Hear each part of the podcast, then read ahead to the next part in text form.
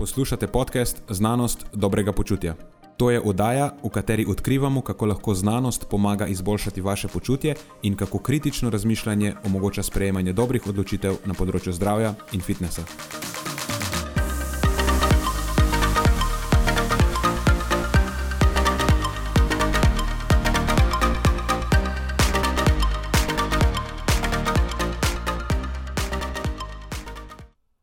Pozdravljeni, z vami bo Vanenat in moj sovoditelj Matjaš. Glavna tema tokratne epizode pa bodo PCOS oziroma sindrom policističnih jajčnikov, učinki prehranskega dopolnila inozitol na lajšanje simptomov PCOS in vplivi pomankanja spanja na impulzivnost, nadzorovanje razpoloženja ter kognitivne sposobnosti. Na koncu so odgovorila še na vprašanje v zvezi z MCT-ji oziroma srednjeverižnimi trigliceridi, o tem ali res pomagajo kuriti maščobe in ali je lahko njihov dodatek v prehrano kakorkoli koristen. Na začetku pa lahko slišite še zadnji del najnega ogrevanja, ki so ga začela že pred začetkom snemanja, ko so se pogovarjala o korektnem naslavljanju zmot in pristranskih poročanj v zvezi s trenutno krizno situacijo. Najbrž ni nobenemu ušlo, da se v zadnjem obdobju o tem izrekajo razne bolj ali manj znane osebnosti, pogosto na način, ki najbrž ni najbolj primeren in z zaključki, ki se vsaj meni zdijo netočni in morda celo nevarni. Verjamem, da to marsikoga zmoti, tudi najo, strokovnjake na tem področju, ki so vsak dan soočeni z resničnostjo in resnostjo situacije, pa najbrž še bolj. Ampak v vsakem primeru, tudi če se ne strinjamo in mislimo, da je mnenje osebe na drugi strani povsem zgrešeno, je ključno, da ohranimo nivo komunikacije in se ne začnemo napadati osebno, temveč se ukvarjamo s trditvami in argumenti. Da povemo, kaj je narobe, in pokažemo, zakaj je narobe, ter poskušamo priti do smiselnih zaključkov, idealno pa celo do kompromisov. Napadati karakter tistega, s katerim se ne strinjamo, je že v štartu nekulturno, v nadaljevanju pa je to tudi napaka v argumentiranju. Preden začnemo, pa se moram zahvaliti še našim sponzorjem. Zaenkrat to še vedno ni velika korporacija, temveč zvesti poslušalci, ki nam izkazujete zaupanje in podporo s prijavo v našo člansko skupino Znanost dobrega počutja. Hvala vsem, ki s tem držite luči prižgane in omogočate podkastu, da raste ter postaja še bolj kakovosten. Hvala tudi vsem ostalim, ki nas podpirate z visokimi ocenami in pozitivnimi komentarji, ter tako, da priporočate podcast svojim znancem in prijateljem. Zdaj pa je končno čas za začetek epizode. Uživajte ob poslušanju.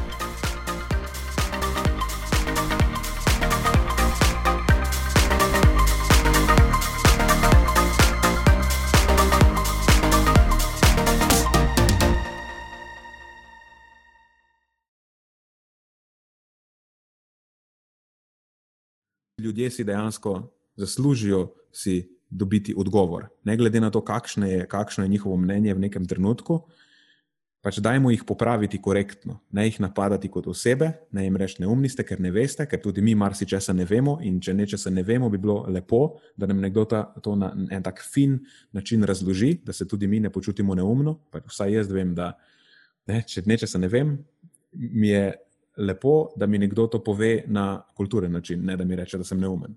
Sicer, no, sprejmem, sicer sprejmem tudi to, ampak recimo, da sem. Da, da si da, v peščici, ki to stori. Da sem v peščici, ki to, ki to stori. Ja. No, ampak In, to, kar si omenil, je tudi eno super navodilo, za čist, za, ne, ne samo za, za, za, za preostale, ampak tako za neko splošno komunikacijo, da malo dvignemo nivo komunikacije. Ker na splošno, ko se pogovarjamo o bilo kateri temi, zelo to pogosto slišiš, ne, ravno, ravno tak način komuniciranja. Mm. A ja, ne razumeš tega. Ne, pač počasi, ne, razloži človeku, eh, ne napadaj ga, in tako naprej. Mhm. Mislim, da so to temeljni principi neke komunikacije na en tak znanstven način. V smislu znanstven, ne znanstven, kot eh, raziskovalci komunicirajo med sabo, ampak kot komunicirajo ljudje, ki kritično razmišljajo, ne, ne napadajo osebe en, en drugega, ampak se ukvarjajo z argumenti in strditvami. Tudi na, na, na tej točki in v tistem videu prejšnji teden bi bilo primerno, da se naslovi argumente, ne pa da se ukvarja z osebo, ker oseba realno je nerelevantna v tem primeru. Lahko ima prav en eh, jože iz neke gostilne in je postavil neko trditev, lahko ima prav. Lahko ima prav. Tudi če ni nikoli hodil v nobeno. Če niti če nima osnovne šole končane, lahko ima v nekem trenutku prav. Tako da naslavljamo argument. Pa ne samo temelj znanstvenega komuniciranja, temelj nekega splošnega bontona komunikacije z ljudmi na splošno. Ja, to je tako stvar, kako rečejo, kučnega vaspitanja. Yes, yes, točno to. Točno to. Moramo prevesti tole. Ne vem, če želiš, MC, nešo, ali kako te kličejo. v redu je, v redu je. Dajmo mi dva nadaljevati na najne glavne teme. Tako. Uh, katera raziskava ti je padla v uč pretekli teden? Vem, da imaš nekaj zanimivega, planiranega za nas. Ja, danes ma, imam namen govoriti o enem stanju, ki smo ga naslovili že v prejšnjih epizodah. Mislim, da mogoče nismo ga glih naslovili, ampak mm, zadeli smo, smo se pogovarjali o tem. Ja, malo smo se tu in tam pogovarjali, že večkrat, eh, sploh s Tino, ko je bila gostja. Sva se o tem pogovarjala malo. Uh, pač, da povem, um, PCOS bo glavna tema danes in pa vpliv pač sindrom policističnih jajčnikov, in pa učinek enega posebnega dodatka na uravnavanje simptomov policističnih jajčnikov, ki kaže obetajoče rezultate. Je pa zanimivo, ker recimo to meta-analiza bo, ki jo bom, ki, oziroma meta-analiza je, ki me je pahnila v to smer, da se malo, da posvetim malo več časa tej temi ta teden. In Meta-analizo imam sicer shranjeno v, v tem urejevalniku virov že nekaj časa, ker ima 2017 letnico, ampak me je potem prejšnji teden mi je Tina poslala še enkrat in se je razvila ta ena mala komunikacija na to temo. Pa sem rekel, ok, bom pač to temo malo bolj razdelal, ker je realno zanimiva in tudi učinki so precej zanimivi. In inozitol je, inozitol je neka stvar, ki nima nobenih strašnih negativnih učinkov um, je tudi stvar, ki je pač načeloma se producira normalno v telesu. E, tako da gre za niglih, ne moremo reči, da je ni esencialno hranilo, ne, ker se lahko proizvaja samo, lahko pa rečemo, da je, da je hranilo. In tudi do nekih precej visokih vnosov nima nobenih posebnih negativnih učinkov. Mhm. Kaj pa je točno inozitol za naše poslušalce? Mogoče čisto na začetku naprej, da, da, da poveva, kaj sploh je ta, kaj sploh je ta inozitol. Tako, da, da ima okay. neko predstavo. Okay. Lahko začnemo tudi tako. V bistvu gre za, mm, čisto, mislim, da spada, spada v družino sladkornih alkoholov. Uh mhm. -huh. Je teh eh, devet eh, stereov izomer, je tega inozitola, devet, devet oblik. Um, zdaj najpomembnejši sta mioinozitol, in pa D-kiroinozitol. In obe dve te obliki tega inozitola imata mm, pomembno, pomembno biološko vlogo pri delovanju inzulina, kako angliži temu rečejo, insulin sensitizing agent, se mi zdi. Ne? To je v prevodu kaj, neko sredstvo za dvig inzulinske občutljivosti, ne? bi temu rekli.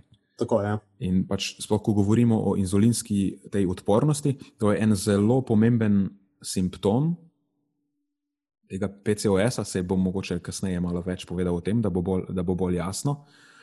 Um, oba dva potem lahko pomagata pri recimo, menedžiranju tega simptoma inzulinske rezistence. Ne? Oba dva skupaj, eh, oba dva, oba dva skupaj sta tista, ki eh, balancirata to stanje, uravnavata to stanje. Ampak vseeno načeloma je mioinozitol je tista glavna ali pa pomembnejša oblika, in mislim, da ni potrebe po dodajanju tega D-kiroinozitola.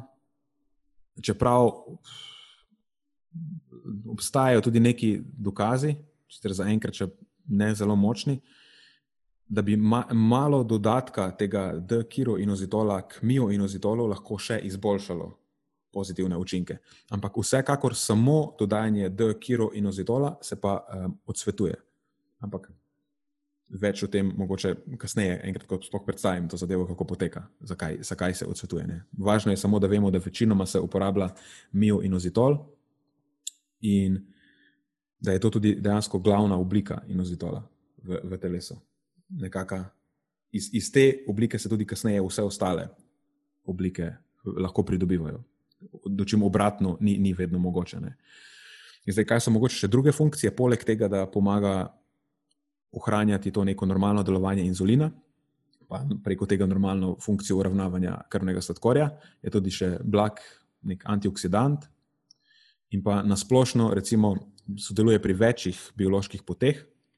Ena zelo pomembna je ta, da je prekurzor ene stvari, ki se ji reče inozitol trifosfat, ki je predvsej pomemben sekundarni prenašalec, ki regulira eh, številne hormone, recimo naprimer, eh, ta ščitnico stimulirajoči hormon TSH, ne, ki je zelo pomemben za funkcijo ščitnice, pa folikel stimulirajoči hormon.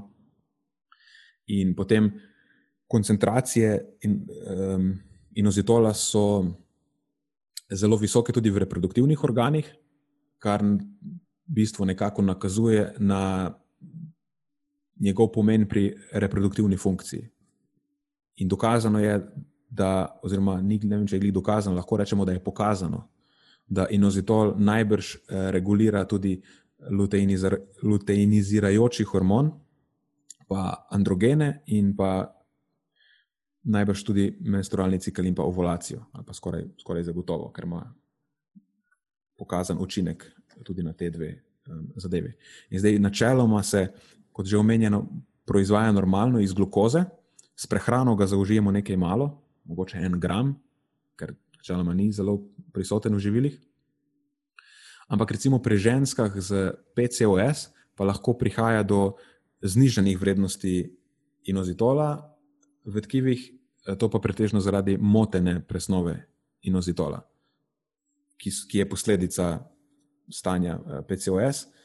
Mm, zdaj, v bistvu je tak začaran krok, se mi zdi skoraj, ker moteno delovanje inzulina pri PCOS bi lahko bila bi posledica odso, ne, zmanjšane vsebnosti inozitola v določenih tkivih, um, po drugi strani pa potem visok inzulin na račun tega, da je senzitivnost slabša, lahko tudi moti presnovo inozitola. Ne, da, ne vem, veš, težko je reči. Kaj je kura, jajce? Ja, kaj je kura in kaj je jajce v tej situaciji, samo zelo neidealna situacija je vse skupaj. Ne. Ampak recimo po tej razlagi vidimo, da dejansko, ali pa še kasneje, ko bomo malo podrobneje razdelili, kaj so dejansko simptomi in problemi PCOS-a, bomo videli, da, da je dejansko so kar verjetni biološki mehanizmi, ne, zakaj bi eh, lahko inozitol pomagal. In pa tudi prejšnja, prejšnji sistematičen pregled randomiziranih raziskav, ki je dejansko od iste skupine, ki je potem pet let kasneje objavila to metaanalizo, ki se je bomo danes dotaknili, je nekako kazal v to smer, da mioinozitol, dodajanje mioinozitola pri ženskah z PCOS bi lahko izboljšal odpornost na inzulin, um, povrnil ovulacijo pri tistih, ki jim pač. Uh, ki, ki, ki jim cikl ne deluje dobro, pa izboljšal kakovost uh, oocid, pač teh nezrelih jajčec, in pa um, zmanjšal ta hiperandrogenizem, ki je prisoten zaradi povečanih ravni moških spolnih hormonov, kar je tudi še ena eh, karakteristika uh, eh, PCOS-a. Mogoče malo je dobro, da razdelava PCOS. Mogoče bi bilo idealno, da so najprej začela s PCOS, ampak ok. Um, Zdaj, večina, ki ima ta PCOS, najbrž ve, kaj je PCOS, ampak za vse ostale, ki morda nimajo zelo točne slike, kaj je PCOS, spoh je. PCOS nima enega takega značilnega kliničnega simptoma, da bi rekli, da ona ima pa PCOS. Um, ampak čist tehnično mogoče lahko rečemo, da je ena taka eh, heterogena, endokrina, pa reproduktivna, pa presnovna motnja. Čist po domače to pomeni, da zmoti delovanje hormonskega sistema, pa rodil, pa presnove. In kako jo diagnosticiramo, oziroma kako, kako se kaže, je tako, da kaže se skozi en tak zelo širok spekter raznih biokemijskih in kliničnih znakov, recimo nereden menstrualni cikl. Mm, to je lahko pač odsotnost cikla, ne, amenoreja ali pa oligomenoreja, kar je pač eh, redka menstruacija. In če boste poslušali epizodo z Tino, ko smo se pogovarjali o tem, zakaj je to problem, ne, to je potencialno velik problem, odsotnost cikla. In potem v nadaljevanju, recimo, tudi povišene ravni androgenov, torej moških, spolnih, uh, moških hormonov pri PCOS, lahko vodijo, imajo neodvisno od vsega ostalega tudi potencialno negativne učinke, ampak potem še posledično lahko vodijo tudi v eno stvar, ki se ji reče hirsuitizem. Hirsutizem je po slovensko mogoče, ne vem, nisem zihar. V glavnem gre se za čezmerno poraščenost, oziroma mogoče lahko rečemo poraščenost moškega tipa pri ženskah. Ne? Zaradi moških, spol, moških spolnih hormonov, ja, ki so zadolženi za to, da pri moških razvijajo sekundarne spolne karakteristike, ne? ki so recimo tudi poraščenost, potem pri ženskah lahko prihaja zaradi povišenih ravni do eh, pač neke dlakavosti na, na mestih, kjer načeloma pri ženskah jih ne, ne bi pričakovali. Um, recimo povišena telesna masa, potem še pa povišen delež telesne maščobe, je lahko en izmed eh, kliničnih znakov, akne se pojavijo, pa seveda policistični jajčniki, ne, mm, ki so potem tudi povezani z slabšo um, fertility. Matjaš, pomagaj mi prevesti to slovenščino. Uh, slabšo plodnostjo. Plodnostjo, ja, sveta nebesa. Včasih mi zmanjka kakšna beseda. Opažam, da v angleščini mi je lažje jo priklicati. Ja, ampak kar je. Znam ta problem. ja, Ampak kar je pa najbolj pomembno, mogoče od vsega, najbolj pomemben simptom, um, oziroma spet ne vemo, je simptom, ali je razlog zelo. En, ta PCOS je ena taka zelo, ne vem, če lahko rečemo, zanimiva stvar, ampak je marsikaj ne vemo o tem, taka ena uganka je. 50 do 70 odstotkov žensk s PCOS ima neko stopnjo odpornosti na inzulin. Ne? Torej, inzulin ne deluje dobro v njihovih telesih.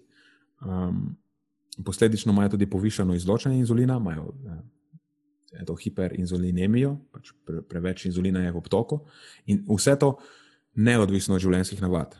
To pomeni, da ne glede na to, koliko imajo fizične aktivnosti ali koliko, um, kakšna je njihova prehrana, je njihova inzulinska senzitivnost, torej občutljivost na inzulin, to, kako dobro deluje inzulin v njihovih telesih, slabša od povprečja, torej imajo neko že intrinzično, to rečemo, ne, um, ni, inzulinsko odpornost. Torej, to ni inzulinska odpornost, ki je bila povzročena zato, ker so pač preveč sedele, pa niso trenirale, pa so jedle slabo, pa niso spale za dost, ampak zato, zaradi, prav zaradi stanja. Ne. To sicer ne pomeni, da se tega ne, ne da uravnavati, pa izboljšati, ampak samo pomeni to, da je pač že v startu pozicija malo slabša. Ne. Ker tudi, če se pogovarjamo o tem, kaj najprej svetujemo tem ženskam, vedno najprej začnemo ne, pri, pač pri osnovah, ker lahko vplivamo z fizično aktivnostjo na izboljšanje eh, te eh, inzulinske rezistence, oziroma izboljšanjem, ne, izboljšanjem občutljivosti, ne, pa zmanjšanjem odpornosti z, z prehrano definitivno lahko neke stvari uravnavamo, ne? se, svetuje se jim, da spijo za dosti in vse take stvari. Vse to bo definitivno imelo bistveno večji učinek kot kakršno koli prehransko dopolnilo. Tako da, če nekdo teh stvari ne izvaja, potem, veš, nima niti nekega. Mislim, lahko, ne, sej, zato mogoče bo imel neodvisne učinke, ampak vseeno najprej te osnovne stvari pravimo zrihtati in potem razmišljamo da bomo dali inozitol še noter. Mogoče, ne, če bomo ugotovili, da ima pozitivne učinke kasneje v metaanalizi. Tako, to je skratka neka tretma po vrhu vsega skupaj, ne pa kot nadomestek, oziroma ja. osnova vsega. Tako. In zdaj mogoče lahko navežemo nazaj, ko smo, ko smo omenjali ta inozitol in njegove učinke. Ne, rekli smo, da odpornost na inzulin je eden izmed zdaj smo rekli, da je eden izmed glavnih mogoče simptomov, ali pa recimo po nekaterih domnevah ne bi lahko bil celo glavni faktor v razvoju ostalih simptomov, ker potem vpliv tega motenega delovanja inzulina eh, na presnovo in na reproduktivni sistem marsikaj poruši, pa potem povečano izločanje inzulina. V nekih drugih tkivih pa lahko povzroči eh, prekomerno aktivnost. Ne. To je ponavadi bolj problem eh, moških spolnih hormonov. In vemo pa, recimo, da torej to bi nekako ta inzulinska rezistenca, inzulinska odpornost je nekako glavna, um, tudi glavna, terape, glavna, glavni cilj terapije, ne? ko pravimo uravnavati. Um, Ko, prob, ko dodajamo, ko pravimo uravnavati PCOS, nas, nas zanima predvsem ta inzulinska odpornost. Ne? In prej smo omenili, da inozitol pa vpliva na to, tako da to je, to je, ta, to je ta povezava. Mm, mogoče ena stvar, ki jo je definitivno še eh, pomembno omeniti, da tudi PCOS ima, vsak, so različni tipi, vsak ima svoj presnovni vtis. V narekovajih rečemo, ima presnovni vtis. Ne, ni, ni, ni spet ni to ena stvar, ampak ga lahko razdelimo na več nekih eh, na podlagi. Za diagnosticiranje se uporabljajo, ali pa so se uporabljali, ampak še zmeraj so najbolj relevantni. Rotterdamski kriteriji, ki potem eh, so trije in dva, mora ženska ali pa punca izpolnjevati, da se smatra, kot da to je PCOS. Ne. Imamo ta hiperandrogenizem, ki ima klinične ali pa biokemične znake, ne. to so recimo dvignjen eh, oziroma povišene ravni testosterona ali pa eh, prostega testosterona. Pa potem mislim, da med klinične, to so recimo biokemični znaki, bi bili pa potem akne, pa ta hirsutizem, se šteje pod klinične znake tega. In potem drugi kriterij je oligo ovulacija, pa anovulacija, ne, pač nenormalno delovanje cikla. In potem tretji kriterij so dejansko polici, eh, ciste na jajčnikih, ki se jih zazna z ultrazvokom. In zanimivo je, recimo, če, imaš, če ima punca dva, prva dva in nima tretjega, dejansko ima ne, PCOS brez cist na jajčnikih, oziroma jih ima manj, kot je predpisano število. Drugače pa zakaj probamo uravnavati To stanje je pa čisto zato, ker je PCOS povezan s številnimi dolgoročnimi eh, zdravstvenimi posledicami. Ženske z PCOS recimo imajo povišeno tveganje za, za debelost, neplodnost je večkrat prisotna, komplikacije pri porodu, če jim uspe zanositi. Diabetes je, v bistvu mislim, da je za diabetes najbolj povišeno tveganje, potem za razne kardiovaskularne bolezni, pa so še vem, psihološke stiske razne, pa nihanje razpoloženja, motnje razpoloženja. Um, pa mislim, da podatki potem še nakazujejo tudi na više tveganje za rak maternične sluznice, pa eh, rak jajčnikov. Mislim, da celo neka meta-analiza nekih presečnih raziskav um, je bila objavljena, ampak to glih ni super, super močen, močen dokazilo za kakorkoli, je pa vseeno, a veš, vse skupaj kaže v tej smeri, da je stvar dobro nekako probati na, na, nadzorovati. Ne? In uh, kot smo rekli, je glavna terapevtska tarča potem izboljšanje občutljivosti na inzulin, pa znižanje mogoče ravni uh, inzulina. Ker potem s tem dobimo troje. Izboljša se reproduktivno zdravje, pa normalizira se menstrualni cikl, kar je iz večjih razlogov boljše, mislim, kar je iz večjih razlogov dobro. Znižamo tveganje za vse te bolezni, sploh za diabetes tipa 2, pa kardiovaskularne bolezni, pa najbrž se potem na račun tega izboljša tudi um, hormonska, hormonska slika. Tako da to, to je recimo nekako, lahko si predstavljamo, eh, kje so zdaj te povezave. Ne? Inozitola kot ne, nekega dejavnika, ki potencialno vpliva na delovanje inzulina in kako je to pomembno za PCOS, za katerega je zelo značilno stanje motenega delovanja inzulina. Mhm. Eh, Nena, zdaj razumem, da še nimamo nekih definitivnih zaključkov na to temo, ampak je inozitol kar nekaj, kar se sicer uh, kot dodatek terapiji uporablja, recimo že v klinični praksi, ali je to nekaj, kar je bolj kot ne tako sveže na tem področju? Veš, da ne vem, ne vem se, kako se ta stvar rešuje v neki bolj klinični praksi, recimo pri endokrinologu ali kjerkoli te stvari rešujejo. Vem, da ponavadi je terapija, ki se predpisuje metformin. Uh mhm. -huh. da, oziroma metformin, ne vem, kako ga izgovarjajo. Uh mhm. -huh.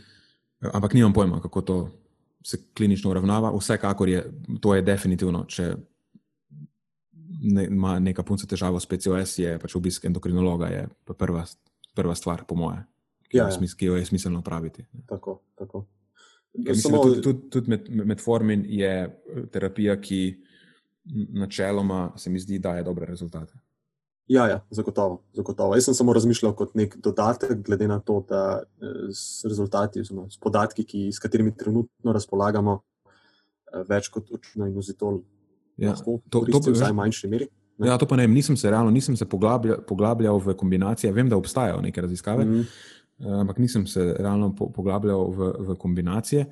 Sem nekako ostal pri tem, da pač so me zanimali samo učinki inozitola, ker recimo metaanaliza, ki jo bom zdaj v nadaljevanju predstavil, je imela izključitven dejavnik to, mhm. da je samo inozitol, v bistvu, ali je mioinozitol sam ali pa v kombinaciji z tem D-kiroinozitolom.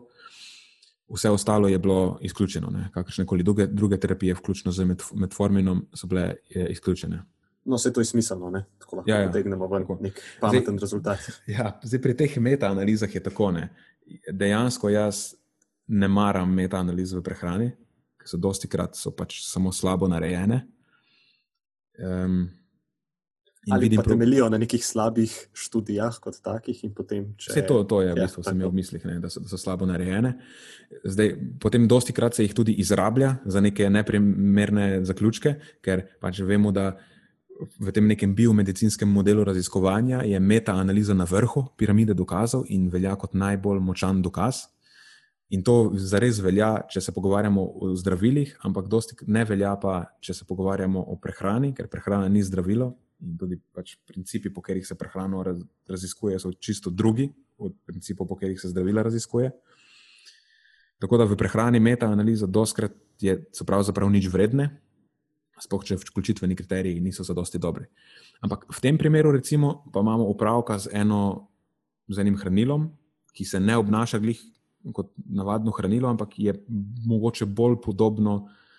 Še vedno ni zdravilo, ampak je ne, po učinkih, ki jih pričakujemo, bolj podobno nekemu zdravilu. Evo, lahko tako rečemo. Ne. Lahko ga, recimo, lahko učinek precej zanesljivo merimo z randomizirano, kontrolirano raziskavo, ker pri prehrani dosti krat tega ne moremo delati. Ne. In v tem primeru mislim, da je tudi več precej ostre meje so teh vključ, vključ, vključitveni kriteriji pri tej metaanalizi so bili, po moje, pač dokaj dobri. Ne. In ni težko potem, ko imaš tako ne zelo heterogene raziskave po zasnovi, jih pač lahko daš skupaj in izvedeš ne neko analizo vseh rezultatov skupaj. Ampak recimo tudi tukaj, če gremo konkretno na raziskavo oziroma na metaanalizo, naslov je Mioinozitol Effects in Women with PCOS, a meta-analysis of randomized controlled trials. Da, danes prvič ni, niso polna usta naslova, zelo preprosto. Učinki mioinozitola na, pri ženskah z PCOS in pač meta-analiza, meta-analiza randomiziranih kontroliranih raziskav. To pa Anfer in sodelavci 2017. Zanimivo, da našli so samo devet raziskav, ki so jih lahko vključili Tako da zaenkrat niti nimamo zelo dobrih, dosti raziskav na tem področju. Vključili so raziskave samo z ženskami s PCOS, pa tam, kjer je bila intervencija mioinozitol ali pa z ali pa brez te druge oblike D-kiroinozitola. Kar jih, kaj jih je zanimalo, pa kjer raziskave so vključili, tiste, ki so preverjali ravni inzulina na tešče, tiste, ki so preverjali ta uh, HOMA indeks, to je ta, Homeostatic Model Assessment Index, ki je pač neka metoda za kvantificiranje te odpornosti na inzulin, pa funkcije pač beta celic pankreasa, ne tistih ki, celic, ki so odgovorne za izločanje inzulina. Tako da to je neka potem številka, ki jo dobimo, pa nam sporoča, kako dobro inzulin deluje v naših telesih. Potem zanimale so jih tudi raziskave, ki so merile testosteron, pa uh, androstenedion, ki je v bistvu nek prekurzor testosterona, oziroma pač še en še en od androgenov, če jih malo bolj šipki od testosterona. In pa ta spolne hormone, vezoči globulin, po angliško je to sex hormone binding globulin, ali pa SHBG, je kratica, ki je načeloma se uporablja. Um, to je pa ena beljakovina, ki veže testosteron, pa potem zmanjša biorazpoložljivost testosterona ne, in pač nekako minimizira njegov androgenni vpliv. Tako da nekdo, ki ima visok inzulin ali pa preveč inzulina, uh, pri njemu je ta ta globulin nižji in posledično je bil razpoložljivost testosteron, testosterona više. Tako da to je recimo eden izmed problemov višjih ravni inzulina ne, pri ženskah s PCOS, ker je pač testosteron tudi bolj biorazpoložljiv. Zato jih je to isto zanimalo. In na koncu, ko so dali vse te stvari skupaj, so bili rezultati zanimivi. Res je bilo vidno signifikantno znižanje ravni inzulina na tešče, tako da je pokazal, ta učinek na inzulin. Bilo je tudi, če glih komaj, ampak ne, zgornji rob učinka je zadeval nula, ampak vseeno signifikantno znižanje tega uh, homa indeksa, torej boljše delovanje inzulina, to indicira oziroma nakazuje. Bil je tudi sicer trend, rečemo temu, trend proti znižanim vrednostim testosterona, ni pa bilo pokazanega učinka na uh, androstenedion, pa ni bilo pokazanega učinka na ta spolni hormon, vezoči globulin, ampak v sekundarni analizi, kasneje, ko so ločili raziskave, ki so trajale manj časa, pa tiste, ki so trajale več kot 24 tednov. Če so upoštevali samo tiste, ki so trajale več kot 24 tednov, je bilo zaznati signifikantno povišanje. Tako da trajanje te suplementacije ali pa dodajanja je najbrž tudi odvisno od časa. Mora biti več kot 24 tednov, ali pa je fajn, da je več kot 24 tednov, če hočemo vse pozitivne učinke, še posebej ne, na tiste na, na spolne hormone oziroma na moške spolne hormone. Mm, čist na koncu, mogoče še to, da rezultati so bili precej heterogeni teh raziskav, in zgleda mi tudi, da je ena raziskava vodila trend k izboljšanju. Tako da vprašanje, če bi bili vsi ti rezultati še zmeraj tako, vsaj tako signifikantni, če bi izključili to eno raziskavo iz analize. Ne, ampak vsem na koncu, ne, zakaj bi jo izključili? Um, tako da združeni rezultati pač zaenkrat kažejo na učinek inozitola na, znižare, na znižanje ravni inzulina, na izboljšanje inzulinske senzitivnosti, občutljivosti, rečemo, da bomo slovensko govorili, torej izboljšanje inzulinske občutljivosti, pa potem preko tega znižanja inzulina, najbrž mogoče bi lahko inozitol vplival tudi na stanje eh, androgenov, torej moških hormonov, eh, tudi indirektno, ne, preko ravni uh, spolnih hormon vezočega globulina v obtoku. Če jemljemo stvar za dosti časa. Tukaj je trajanje, recimo, ključno. Ne? Šest mesecev je, da sem prav začel. Nekje šest mesecev. Ja. Zdaj, odmerek je smiselno povedati tudi, kakšen bi bil odmerek v tem primeru. Nekje 2 do 4 grame, ne vemo koliko v resnici, ker pač tudi je malo, To je odmerek, ki se načeloma uporablja, 2 do 4 grame. To je tudi odmerek, ki ne kaže nobenih stranskih učinkov.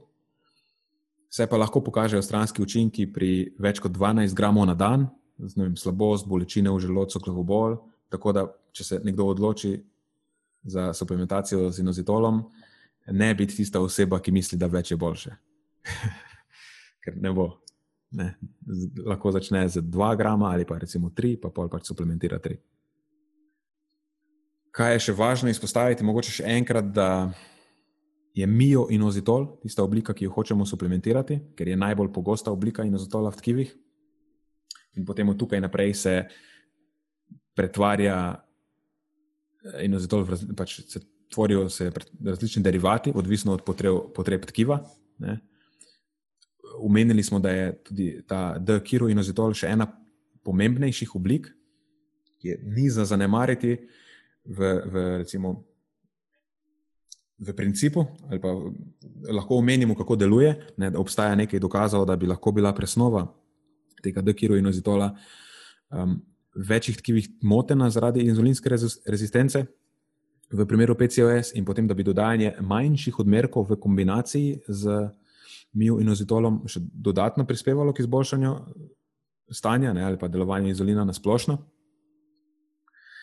Ampak potem po drugi strani, mm, pa jajčniki nikoli ne postanejo očitno zelo inzulinsko odporni. In ta višek inzulina, ki ga te punce imajo, deluje na jajčnike, in v jajčnikih pa pospeši pretvorbo mioinozitola v dekiroinozitol, in potem ta višek se tudi hitreje izloča, pa na račun tega potem posledično pride do pomankanja mioinozitola v jajčnikih. Ne. Tako da zaradi tega je najbrž mil in azitol tudi edina oblika, ki bo imela pozitivne učinke na jajčnike specifično. In pač do, rečemo, da obstajajo dokazi, ki namigujejo v tej smeri, um, da dekiro in azitola ni smiselno dodajati samega, spoh pa ne v večjih odmerkih, ker je bilo zaznati v teh primerih tudi poslabšanje teh kakovosti um, ovcit. In uh, odziva jajčnikov na, na to suplementacijo, pa so bili negativni rezultati. Um, zdaj, razlog, zakaj dodajati mioinozitol in ne samo uh, ta D-kiroinozitol, zato ker zelo visok vnos D-kiroinozitola bi lahko imel celo direktno toksičen učinek na jajčnike, ker smo rekli, da tam ga je že itak preveč lahko ne, in je mioinozitol v pomankanju. Potem drugi razlog je zato, ker D-kiroinozitol se ne pretvarja v mioinozitol, mioinozitol pa se pretvarja v D-kiroinozitol. In potem, ker vemo, da ima mioinozitol specifične, zelo pomembne učinke v večini tkiv. Tako da zaenkrat um, je najbolj pragmatičen zaključek tega, da če ima punca ali pa ženska z PCOS pošlihtane vse ostale stvari in želi dodati inozitol, to lahko, lahko pričakuje neke pozitivne učinke na inzulin, pa najbrž tudi mogoče na. Mm, delovanje menstrualnega cikla, mogoče tudi celo na izboljšanje stanja v smislu teh nekih uh, posledic uh, moških hormonov, ne, uh, hirosoidizma, poraščenosti tam, kjer pač, uh, to ne pričakujemo pri ženskah. Pa um, mislim, da je ena raziskava, ki kaže tudi potencijalno vpliv na, na akne in da je odmerek recimo 2 do 4 grame, ki se ga dodaja dnevno in vsaj 6 mesecev. Ne. Če nekdo to en teden dela, po mojem, se ne bo nič zgodilo. Vsaj ne na račun mioinozitola. Če pa potem imaš nekdo res volje, da se zafrkava s temi stvarmi, pa lahko dokupi še D-kiroinozitol in zmeri razmerje 40 proti 1. ker to je razmerje, v katerem je dejansko smiselno potem dekiro inozitol dodajati mio inozitolo. Ne, pomeni 40-ni delež mio inozitola in potem dobesedno par, par zrnc prahu dekiro inozitola, ne, 40 ja, proti 1. Če se kdo želi igrati malo kemika doma. Ja, recimo, da bi potem bilo smiselno stehtati 400 gramov pa 10 gramov, 400 gramov mioinozitola in 10 gramov dekiroinozitola. Ampak realno ne vem, koliko koristi se lahko potem od tega pričakuje, ker ni, ni zelo dobrih dokazov. Ne, pa tudi zdi. praktično gledano, bo potem to stvar izjemno težko dozirati. A kakšnih eh, prehranskih dopolnil, ki bazirajo na kombinaciji teh dveh obeh oblik v pravem razmerju, pa trenutno še nimamo? Ne vem. No, jaz jih nisem zasledil. No. Ja, ne, morda, zelo preprosto je dobiti mioinozitol za vse ostale, pa tudi, če, veš, če obstajajo na trgu, nekje na svetu, ne, mislim, da ni, ne bo razlika v učinku tako velika, da bi bilo smiselno dati večje količine denarja in se s carino ukvarjati, da jih naročiš nekje iz Amerike. A veš, lahko kupiš pri nas mio in ozitol in si pač pozoren, pozorna na to, da kupiš mio in ozitol. Mogoče čist za konec, kar se tiče vseh zdravih ljudi, pač brez veze.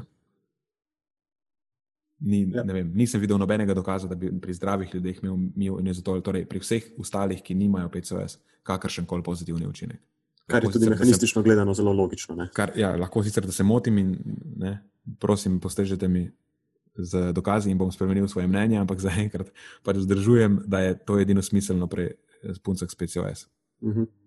In ena zelo zanimiva tema si nam predstavlja. Predvsem je še to dejstvo, da je to ena taka uh, zelo varna opcija, brez nekih negativnih stranskih učinkov, pa tudi cenovno gledano, ni to neka eh, zelo draga opcija. Tako da, ja, eh, ne vidim razloga, zakaj ne, pod pogojem, seveda, da so vse ostale stvari mm. poštimane. Zdaj, ja, to je sicer res. Je. Če jih sprašujem, zdaj, ker sem dvakrat sem to ponovil, ne, da je super, res. Za, sploh za punce s PCOS bo zelo koristno, ne, da probajo vplivati na na, na to, kako deluje inzulin, ali kako so odporne pa, ali pa neodporne na inzulin, ne, kakšna je njihova eh, občutljivost na, na inzulin, preko prilagoditev življenjskega sloga, ker bo to definitivno zelo koristno na njihovo zdravje. Um, ampak, veš, mogoče tudi, če nekdo tega ne dela. Zaradi nekih razlogov, ker mogoče je v situaciji, ker trenutno ne more, lahko proba dodati samo inozitol, ampak v tem pač primeru ne biti razočarana, če se ne bo nič zgodilo. Ne se to si dobro izpostavil, mislim, da že na začetku. Mislim, da nihče ne bo odšel stran od tega podcasta, misleč, da bo lahko samo izključno s tem rešil celotno ja. situacijo. Pač idealno je ta šibroka pristop, ne shotgun approach, rečejo američani, ki je probaš razpršiti čim več pozitivnih stvari, probaš narediti. In se mi zdi, da to sploh pri PCOS je zelo smiselna strategija, ker res ne vemo, kje točno je razlog. In veš, več pozitivnih stvari, kot lahko damo noter, veš, boljše rezultate lahko potem tudi pričakujemo. Odlično. Okay. Kaj je bila tvoja tema? Omenil si mi neko spanje. Ja, eh, omenil sem ti spanje, kar je ironično, glede na to, da smo oba predvsej slabo spala ta teden, če sem mm. si prav zapomnil. Ni bilo časa spati ta teden. Pridejo taki tedni. Lej, ampak ne oglašujemo tega, mi smo proti, proti temu, da zanemarjate svoje spanje. Točno to, eh, ravno nasprotno. In ravno s to raziskavo bom tudi povdaril, zakaj. Ali pa vsaj enega izmed razlogov, zakaj ne. Uh, ja, spanje je ena izmed teh tem v okviru uh, dobrega počutja, ki se mi zdi pogosto zapostavljena. Zdaj, če se že pogovarjamo v podkastu, naslovljen znanost dobrega počutja, pač ne moremo mimo te teme. Um, govorim pa o nedavno objavljeni raziskavi Saksvika in sodelavcev iz Norveške, ki so ugotavljali, kako skrajšano število ur spanja vpliva uh, na naše razpoloženje, občutenje pozitivnih emocij, kakor tudi na našo impulzivnost in pa na kognitivno funkcijo. Um, kako je zadeva potekala? nabrali so dobrih 50 ljudi, ki so bili stari nekje med 18 in 35 let. Um, raziskava je bila dolga 11 dni in raziskovalci so merili dolžino in pa kakovost spanja preko spalnih dnevnikov, da jim tako rečem, in pa tako imenovanega aktigrafa. To so take majhne napravice, ki jih damo okoli zapestja, ali pa so že more biti vključene v nekatere bolj te pametne ure in naj bi merile ritem spanca, ne, kako pogosto se zbudimo po noči, kako trdo spimo in tako dalje. In kaj so naredili? Sprva so vsi ti udeleženci sedem dni zapored spali po nekem svojem običajnem ritmu, zato so na podlagi tega raziskovalci dobili upogled v spalni režim, kakor tudi dolžino spanca vsakega udeleženca posebej. Potem pa so tri dni zapored udeleženci spali dve uri manj kot običajno. Um, Skozi celotno raziskavo pa so udeleženci upravljali različne teste, kjer so odgovarjali na neka enostavna vprašanja, ob tem so imeli natančnost odgovorov, kakor tudi hitrost odgovorov, pa še razne druge stvari so si zapisovali, kar se tiče raznih občutenj, pozitivnih emocij preko dneva in podobno. No, ampak ključne ugotovitve te raziskave so bile, da je pomankanje spanca, že zgolj za uro pa pol do dve uri na dan, vodilo do sicer krajšega reakcijskega časa udeležencev, ampak sočasno do večje impulzivnosti in pa večjega števila napačnih odločitev. Poleg tega pa so vsi udeleženci poročali tudi o manjši količini pozitivnih, eh, občutenih pozitivnih emocij skozi dan, kot so recimo navdušenje, pozitivna energija, ponos in podobno. Zdaj, eh, zakaj sem se pravzaprav odločil predstaviti to raziskavo? Sem zelo enostavno je, zdi se mi zelo Eh, aplikabilna v resničnem življenju. Lahko že vzamemo ta teden kot dober primer tega. Ne, ne. Eh, dejansko posebej to, kar se nam zelo pogosto dogaja v našem modernem, hektičnem življenju, kjer vse poteka v izjemno hitrem tempu. In to je seveda, da si ne hote zaradi vsega bremena dela, ki ga imamo, si prikrajšamo spanje skozi teden za kako uro ali dve na dan in potem upamo na najboljše. Ampak več kot očitno ima to negativen učinek na zdravje, na našo produktivnost, na generalno gledano poslabša kakovost življenja, ker negativno vpliva tudi na srečo, občutenje pozitivnih emocij in pa celo direktno nam lahko ogrozi življenje, ker na nek način v bistvu poviša tveganje za pojav nesreče. Kaj je tista prva stvar, ki se zgodi pri večini zjutraj, potem, ko vstane? Najprej si umijemo zobe, spijemo kavo, vem, opravimo, kar pač moramo opraviti na to leti, in potem se odpravimo v službo. In to je pogosto eno tako hektično okolje prometa, kjer je naše življenje odvisno in od naših, in od drugih premišljenih potez in vem, reakcijskega časa in podobno. In zdaj, če vstopamo v tako situacijo, ne na spani, pa se nam po možnosti še mudi, ne po vrhu vsega, uh, bomo, kot sem že omenil, pač bolj bomo impulzivni, delali bomo slabše odločitve. To je tako recept za disaster, po mojem mnenju. Um, in še, še ena stvar, ki mi je padla na pamet pri prebiranju te raziskave, je dejstvo, ki ga mogoče pogosto spregledamo, ampak tista ena ura ali pa dve uri spanja manj na dan lahko celo vodita v eno celo izgubljeno noč, če se pogovarjamo tako na tedenski ravni. Kar precej, ne? to je lahko dobrih 50 neprespanih noči na letni ravni. Kar eh, taka težka statistika. Ja, se mogoče nadoknadimo potem tu pa tam, vsaj za vikend ali kaj, ampak morda se pa tudi to ne zgodi. Skratka, spanje je pomembno, ne, ne samo za našo dolgoročno zdravje, kot se pogosto govori, ampak celo za kratkoročno zdravje, za naš mindset, za psihološko zdravje, za, uh, za, ja, za emocionalno zdravje, za, za manjšo pojavnost nekih takih neumnosti, ki se nam lahko pripetijo, pa bi jih morda, če bi bili bolj zbrani, uh, bolje naspani, lahko celo zlahka uh, negirali ali pa še potem pridodajo k tvojemu problemu. En, veš, ne greš spat par noči in potem se ti čez dan, drug dan nekaj zgodi takega, nek, nek problem, recimo, ki ga moraš reševati pozno v noč, in potem še bolj ne spiš zaradi tega. Ja, tako, tako. In potem se samo dodaja eno na drugo, eno na drugo. Ni, ni ugodna situacija. Ne? Dobro si dal to v kontekst, ker si kdo misli, mogoče, oh, pa se je samo ena ura spanja, pa to ni, ni nekaj takega. Ampak potem seštej teh eno uro, skrat, ali pa pomnoži. Veš, kaj sem pomislil? Za sedem. In ja, ti bo tako. tako jasno, da je to ena cela noč. Na tedenski ravni, ja, ja. neverjetno. E, e, pomislil sem tle tudi na, na prehrano, sem se spomnil. Vse je samo en piškot, vse je samo nekih dodatnih, ne, par sto kalorij. Ja, ja ne, pa, ampak se sešteje, na koncu ja, ja. se to sešteje in podobno je tudi s spanjem. In potem si s takimi majhnimi napakicami, e, s časoma naberemo lahko hude posledice. Ja, ja. Grem na eno kavico, pa bom, ok, ne bom glih čist črne, pa bom malo smetance noter, pa ok, pa če je že smetance, bomo ono malo ta veš tako bolj. Tako. Kako se temu reče? Starbucks style, ko je, Starbucks vse, style. ko je vse noter, pa je 200 kalorij tukaj, Potem jutri je glih sodelavka prinesla piškote in bo vzela tri, in je spet 200, in potem je imel nekdo rojsten dan, pa se bo samo en kos. Ne? In spoh ne rabi biti vsak dan, lahko je samo trikrat ali pa štirikrat. Ja, to je Zlaka je tisoč kalorij na teden. In enako je s spanjem. Ne rabi biti vsak dan. Pač en dan, dva, trikrat na teden, in, in si že nakoplješ nek deficit. -hmm. za razliko od suficita, ki si ga nakoplješ s tistimi uh, kavicami. In potem dejansko funkcioniraš skozi dan v nekem skoraj okajenem stanju. Ta, ja. Ja, ta, uh, kaj je, kako je Kirk Parsley, je znan zdravnik, ki se ukvarja s spanjem. Sicer ne priporočam, da mu sledite, ker ima kupenih drugih uh, traditev, ki so tako. tako. Um, ni glih najbolj tesen, no, bomo tako rekli.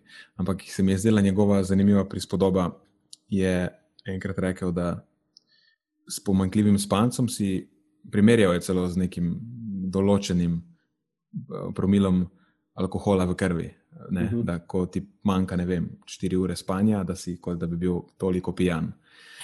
Realno se mi zdi, da je on to številko od, nek, veš, nek, od nekje potegnil. Uh mhm. -huh. Ampak veš, vsi, vsi dejansko malo opažamo to, pa ta raziskava, ki si omenil, nakazuje v to smer, da smo slabše sprejemamo odločitve ne, in da smo impulzivni in da je neka druga ne, razsodnost je motena. V bistvu. Tako. Presenetilo me je edino to, da so imeli skrajšan reakcijski čas. To mi je nenavadno. Ja, meni je bilo tudi nenavadno, razmišljal sem o tem, morda to izhaja nekako na račun dejstva, da v tem, če se zdaj lahko izrazim, v tem rahlo okajenem stanju, da mogoče samo želiš veš, hitreje razrešiti neke težave. Nimaš toliko potrpljenja, kot bi ga Aha. sicer imel, da lahko razrešiš neko težavo, ki jo imaš pred seboj. Ampak, veš, kako pravijo angliški, rushing causes mistakes. Ko mhm. hitenje pogosto povzroča napako. kako so merili reakcijski čas? Uh, imeli so, kako sem že tem rekel, se je pravzaprav vseeno, ker je tako, tako ponovno angliški izraz. Um, imeli so baterijo nekih vprašanj, nekih enostavnih vprašanj, in potem so zgolj merili, kako hitro so ti udeleženci odgovorili. odgovorili. Tako, je to je smiselna, smiselna hipoteza, je, ker me je zanimalo, da če je to nek reakcijski čas, ki se meri v milisekundah, je, uh mhm. -huh. veš, potem težko bi ne, ne, ne, prišlo ne, ne, ne. do zavestne odločitve, da hočem hitreje razrešiti problem. Ne. Ampak ja, tukaj pa ima smiselno. smiselno. Tako, bilo je, se pravi, neka taka baterija vprašanj, varianta da, ne, samo da čim hitreje, veš, da, da odgovoriš na dano vprašanje. Mm. Je pa drugače tudi zanimivo, če ljudi, če jih izstradaš spanja, rečemo, pa jih potem drug dan izpostaviš neki nalogi. Um, ti bodo načeloma rekli, da so bili slabši v tej nalogi. Prvi uh -huh. dan, ne, ko se jim to zgodi. Vsi imamo neko to percepcijo, potem, da, da smo slabši v tem in pravilno ocenimo, da zato, če nam samo v eni noči zmanjka spanja, da smo slabši v tem. Ampak da, recimo, če se ponavlja to, ljudje izgubijo feeling. Ne, navezujem se na eno raziskavo, kjer so jih dejansko po tem, ko so končali neko nalogo, so jih vprašali, kako dobro jim je šlo pri nalogi, in potem so rešili, oziroma so ocenili to njihovo nalogo in so primerjali to, kako dobro so jo rešili, s tem, kako so oni rekli, da so jo dobro rešili. Ne? In recimo, ko so bili en dan izstradani spanja, ali pa ko jim je manjkala samo ena noč, oziroma nekaj urno noč, so ocenili, da so bili slabši in so dejansko bili slabši. Ampak potem, po parih dnevih, se jim je pa samo zavest dvignila. E, dobili so občutek, da so se navadili na to, navajeni so, da ne spimo. Ker to včasih kdo reče, ne? pa se jaz sem navajen na to, da ne spim za dosti in to ne ovira mojih nekih kognitivnih sposobnosti ali pa drugih, recimo. Ne? Ampak je pa zanimivo, da so bili pa še, v resnici še slabši, kot so bili samo en dan. Tako da njihove sposobnosti so se dejansko še poslabšale, samo ta razkorak med tem, kako oni sebe dojemajo in kako v resnici uspešno rešujejo naloge, se je pa samo še povečal s tem, ko jim je primanjkovalo spanja. Ne? Tako da ja. prvi dan si še nakalibriran in se dobro oceniš, potem pa samo razpada zadeva. V eno in v drugo smer. Očitno se nekako sprijazniš, da je to tvoja nova realnost. In ti pa živiš dejansko v stanju kot pijan. Rečeš, pa sej nisem pijan. Ali že no, ki je ja, ja. model najbolj zapit v gostilni, ne more stati več, ga vprašaš, boš lahko, a kako boš šel domov. Pa se bom pel sam, nisem pijan. Ali ista situacija je dejansko. Ja, ja, ali pa što, se bo, bolje peljem pijan. Ja, ali pa bolje peljem pijan. Ja. Meni se res zdi, da je čist dobra primerjava. Je. je na mestu, zagotovo. Ma pa to velike implikacije na situacijo, v, v kateri smo, v, velike implikacije za sodobno družbo, na kateri obstaja, stoji na temeljih nekih ljudi, ki delajo pozno v noč, delajo v izmenah, delajo ne na spani in pogosto ne na spani, opravljajo zelo pomembne službe. Ne? Recimo neki zdravniki, ki delajo par izmen skupaj, ali pa policisti, ali pa, veš, ki se morajo odločiti v enih takih kritičnih situacijah, ali bo potegnil pištolo, ali bo ustrelil in delajo mhm. -huh. neprespani. Da, to je nekaj, o čemer bi mogoče razisko, eh, ne raziskovalci, odločevalci mogli zelo dobro razmisliti. A, da bi obstajal neke vrste um, spalni mejnik, v katerem lahko. Ja, ne vem, ampak če, če imamo recimo nek eh, evidence, zdaj imamo recimo. Ne, kar nekaj dokazov, že po mojem, o tem, da se razsodnost ljudi poslabša, da sprejemajo slabše odločitve, da so bolj impulzivni, potem, ko jim primanjkuje spanja. Ne vem, kako je potem, a veš, etično, recimo, spoh. Dovoljeno take ja, stvari upravljati. Ja, upravljati neke take zelo riskantne zadeve. Predstavljaj si neko operacijo, razumeš? Da te operira zdravnik, ki je ni spal že tri noči. Ker po drugi strani ne verjamem, da bi eh, dovolil, da te operira zdravnik, ki je mal pijan, ki je šel na dve pivi prednjem. Pa se ni pijan, samo dve pivi je spil. Ja, odprl si zelo zanimiva tema. Tako da nekaj za razmislek. Nekaj za razmislek, tako. E, odlično, evo. E, torej, danes si bo privoščila malo več spanja, upam, več ne obljubam raj. Najo pa še čaka eno vprašanje. Zelo je konec. Za konec, to je ta novi format epizod. Vedno predelamo vsaj eno vprašanje poslušalcev. Spet smo dobili vprašanje iz naše Patreon skupine. Katerim z veseljem odgovorila? Z največjim veseljem. Ja. In je tako, ali MCT dejansko pomaga kuriti maščobe? To je vprašanje, ker zakaj? Mogoče da malo razsvetlim to. MCT to so srednje verižni trigliceridi oziroma srednje verižne maščobne kisline, torej en razred maščobnih kislin, um, kjer se ponovno dodajo tudi v vodo, če niste opazili ali pa niste videli še nekaj tega. Ja, če se maslo se, dodaja v, v kavo, zakaj se ne da v vodo? Mislim, v glavnem, MCT-ji MCT so skupina maščobnih kislin, ki so prisotni tudi v kokosovem olju, sicer ne v zelo visokem deležu, ampak jih recimo, da jih ima kokosovo olje več kot neka druga olja ali pa druge maščobe. Mm, in tudi to je eden izmed razlogov, zakaj ne bi bilo kokosovo olje oh in sploh super, ker ima MCT. -je. Tako da to stvar moramo danes nekako razdeliti v uh mhm. -huh. kontekstu tega vprašanja. Sploh mogoče reči, zakaj naj bi MCT pomagal kuriti maščobe, ker ko rečeš kuriti maščobe, tudi moramo najprej ugotoviti, kaj kuriti maščobe sploh pomeni, oziroma kako ja. si to ljudje predstavljajo. Ne? Se je mogoče čist, da nadaljujem iz te točke. Ker kuriti maščobe, če to poveš nekomu na ulici, si to predstavlja, da kuri maščobne zaloge. Ne? Ampak ne nujno. Kuriti maščobe pomeni samo, spet to je v narekovajih, vse ti kuriti, ne se jih ne kurimo. Ampak presnavljati maščobe za energijo lahko pomeni tudi presnavljati zaužite maščobe za energijo. In recimo te srednje verižne trigliceridi, njihova, njihova, in njihova absorpcija in pač uh, njihova, njihove presnovne poti, se, recimo, da se razlikujejo od presnovnih poti uh, daljše verižnih maščobnih kislin. MCT-ji vstopajo v obtok bolj direktno, in uh, tudi porabljeni so lahko bolj preferenčno kot uh, ketonska telesca. Pač. In če jih zato pomeni, da če jih zaužijemo, da se bodo hitro začele porabljati za energijo, in tukaj imamo odgovor. Ne? Ja, MCT-ji lahko pomagajo kuriti maščobe, ker ko jih zaužijemo, potem jih bomo načeloma kurili pretežno za, energije, za energijo. Ne? Kurili bomo tiste MCT-je, ki jih zaužijemo, mhm. ne maščobne zaloge. Načeloma to, tako ta stvar deluje. MCT, ja, pomagajo kuriti maščobe, tiste, ki jih zaužijemo, in ne maščobne zaloge. Ja, tako je. Mislim, ampak, ker nekdo kuri, kuri maščobe, še ne pomeni, da celostno izgublja maščobo. Ja, ampak zdaj je en velik ampak. Ne? Vseeno govorimo o maščobah. Ne?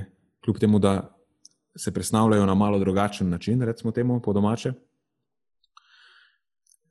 še zmeraj imajo energijsko vrednost podobno ali pa praktično identično kot ostale maščobe. Še vedno na en gram imajo 9 kalorij.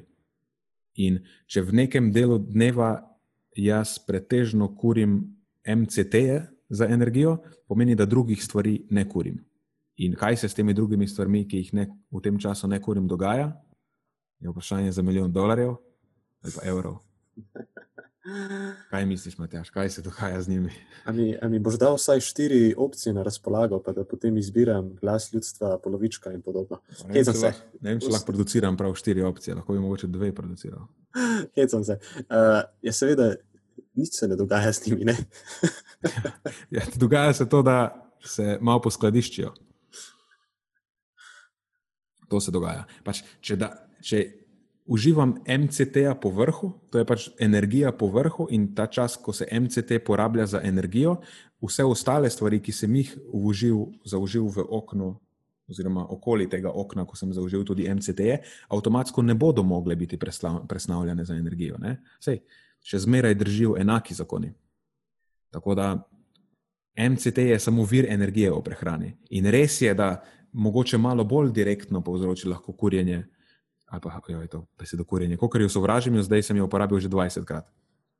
Res povzroči, da bolj direktno lahko uporabljamo maščobe za, za energijo v tistem trenutku, ampak to ne pove nič o tem, ali se bo naša telesna masa spremenila navzgor ali pa navzdol. Ker glede na to, da vemo, da maščobe niso zelo nasitne, pa če dodamo to stvar po vrhu, je večja verjetnost, da se bomo na račun teh MCD-jev na koncu zredili. Tako, A moramo še kaj dodati?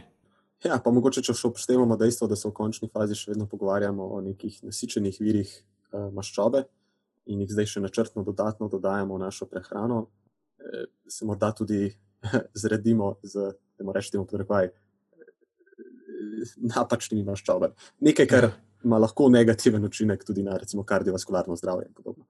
Samo, recimo, ja, potencialno je tudi to. Sicer ne vem, kakšen je točno učinek specifičen teh srednje vrežnih trigliceridov na recimo, LDL in stvari, ki so nekako sprejeti kot glavni dejavniki tveganja za kardiovaskularne bolezni, ampak ja, vsekakor se strinjava, da ni to smiselno dodajati. Ni, ne vidim, resnično ne vidim situacije za navadne zdrave ljudi, kjer bi bilo smiselno MCT dodajati. Lahko pa so dodani ter, v, v okviru neke terapije, recimo za epileptike takrat se lahko, epileptikom se lahko z MCT-ji pomaga. Ampak, če nimate epilepsije ali pa neke sorodne motnje, kjer so um, indicirani MCT-ji, potem pač nič ne pridobite strani MCT. Tako, v nekem kontekstu večje proizvodnje ketonskih teles. Tako. Uh, tak, takrat je pač ja, to indikacija, druga, drugače pa ne, ne. In tudi to, da na račun MCT-ov mogoče se ti marginalno poviša nivo ketonskih teles v krvi, nič, to nič ne pomeni. Pač ketoni niso nobena čarovnija, zaradi kere se bo ne vem kaj začelo dogajati. Uh Mhm. -huh. Ketoni so pač samo vir energije, tako kot vse ostalo. Tako, Alternativni vir energije. alternativni vir. Pri energije, zdravih to je ljudeh- potrebno podariti. Ja, pač pri zdravih ljudeh nimajo nobenih posebno strašnih, posebno pozitivnih lastnosti. Ne za zdravje, zagotovo pa tudi ne za zmogljivost. Ja, dokler vse, vsi sistemi delujejo normalno, ne rabiš ketonov. Mogoče na tej točki MCT je tudi nekaj, kar se svetuje športnikom. Ja, eh, kar mi je izjemno fascinantno, zato ker dejansko ne zasledimo nobenih prepričljivih dokazov, da bi zamenjava MCT z, rec- z drugimi maščobami ali pa ne na zadnje celo z oglikovimi hidrati, eh, kakorkoli pripomogla k zmogljivosti ali imela nek ergogeni učinek na performance. Torej, ne, kratek odgovor. Kratek odgovor, bistveno, bistveno bolj kratek in jedrnat kot moj. Um, ja, se mi zdi, da dosti krat se ta stvar, zdaj ko razmišljam, načrtno oglašuje se ciljano nekim športnikom, ker se jih dodaja v te vode, ki naj bi se jih pilo med mal, malo bolj naporno fizično aktivnostjo, recimo nekim kolesarjem. In, eh, So se ponovno vrnili na kolesare. Tako je, Ja. primarno v nekih vzdržljivostnih kontekstih se pogovarjamo tukaj. tako, ampak zaenkrat ni nobenih dokazov, da bi to kakorkoli koristilo. Ne, tudi kot vir energije. Veš, ni to nekaj, kar bi svetoval, bi rekel, ok, vredo, ampak na neki vzdržljivostni preizkušnji sem in rabim višek energije, ne, ne skrbi me to, ali pridobim telesno maso ali ne. Mislim, ok, ampak zakaj potem ne izbereš raje nečesa, kar bo direktno vplivalo na tvoj performance? Ne? Recimo nek uh, gel, ki je neka smiselna mešanica sladkorjev ali pa neka sladka pijača vsaj. Tako, nek vir enostavnih oglikovih hidratov. cila, tako, če že cilaš na, na dodano energijo. Razmišljam samo o kontekstu, kjer so tvoje energijske potrebe tako ogromno povečane. Ne vem, kaj delaš, ne vem, kaj moraš delati, da so tako ogromno povečane, da ti je dejansko 90 gramov sladkorja na uro premalo. Ne? Ali bi potem v tem kontekstu mogoče dodatek MCT-ev lahko kakorkoli koristil? Hm. Rečem, okay, bom, bom še dal malo MCT-jev zraven temu maksimumu sladkorja, ki ga prenesem, preden imam atomsko drisko. Ja, mislim, gle- Tukaj zdi se res zelo hipotetično vse skupaj. zdaj, moje predvidevanje bi bilo, da glede na to, da neko dodajanje eksogenih maščob med samo telesno aktivnostjo ne poviša same stopnje oksidacije maščob, bi moj zaključek bil, predvidevam, da ne. Če, če pa že, pa v neki tako marginalni meri, da ne vem, če se je vredno ukvarjati s tem. Ker moramo tudi upoštevati dejstvo, da že dokaj majhne količine MCT-ja, sploh če nisi navajen, te pogosto nekam poženejo. Zdaj pa dajmo to To v kontekst neke To je res. visoko intenzivne vzdržljivostne preizkušnje, kjer ti uživaš 90 gramov enostavnih oglikovih hidratov na uro. Jezus Kristus, kaj bi ti še rad, da te, da te vrže na VC? Probal sem igrati hodičevega advokata, ampak mi ni uspelo. Res je, ena zelo pomembna lastnost teh MCT-jev, ki so jo pozabila omeniti, pa je sploh ne bi smela pozabiti omeniti, je ta, da velika količina MCT-jev na- v črevo, ki ni navajen od tega, povzroči najbolj, še bolj atomsko drisko kot preveč Mhm. sladkorjev. To je pa samo eksplozija potem. Tako. Okay, torej, Zdaj, ej, me, veš, kaj me zanima? Dajte se Ja. nam oglasiti, prosim, ne, bo, ne bova vas omenjala po imenu, če se nam oglasite, prisežem, ampak dajte se mi oglasiti, če ste kupili to MCT vodo in ste popili liter te vode naenkrat, kaj se je zgodilo. Ja, to bi tudi mene izjemno zanimalo. Uh, čist informativno gledano. Ker sem slišal že marsikaj, na, eh, pa so ljudje Ja, samo recimo jaz kokosovo tudi. olje so jedli ali pa kokosovo mleko ali pa kaj takega in jim je povzročilo strašne težave. Ja, ja, Ker recimo niso jedli nikoli ničesar kokosovega in potem so pojedli tri krožnike krija z polnomastnim kokosovim mlekom. Ne, pač slaba ja. odločitev. Težke posledice. Ja. Raje, Na posledice so potem na račun MCT-jev, če je koga slučajno zanimalo. Fun fact. uh -huh. Ne, ni bilo zaradi pikantnega krija, oziroma pikantnih začimb, ampak je bilo zaradi, na račun eksplozivnega kokosa, oziroma eksplozivnih MCT-jev v kokosovem olju. Eksplozivni MCT. Če bo kdo slučajno začel prodajati izdelek z MCT-jem, Glej, ime je vrhunsko, tako da zdi se mi, da bi si zaslužil kakšno royalty na ta račun, če si kdo že spomne takega izdelka. Ja, ej, da, A, a, spo- ne želiš biti afiliiran s tem? Ne? Tako. Ne, raje ne. Ne rabim ničesar od vas, ne me sploh omenjati skupaj s tem. Ej, mislim, da smo to epizodo spet, spet malo razvlekla, tako da lej, Nič novega. je, je, kar je. Ja, zdaj ne moramo skrajšati. Ne moremo izkrajšati, niti ne bomo ničesar krajšala, to je zaenkrat to. Vse, kar lahko storiva, je, da se na hitro posloviva in to je to. to, je to. Nič, ajde, Matjaš, Nenad, eh, hv- hvala ti za še en ja. Ja. odličen pogovor. z veseljem.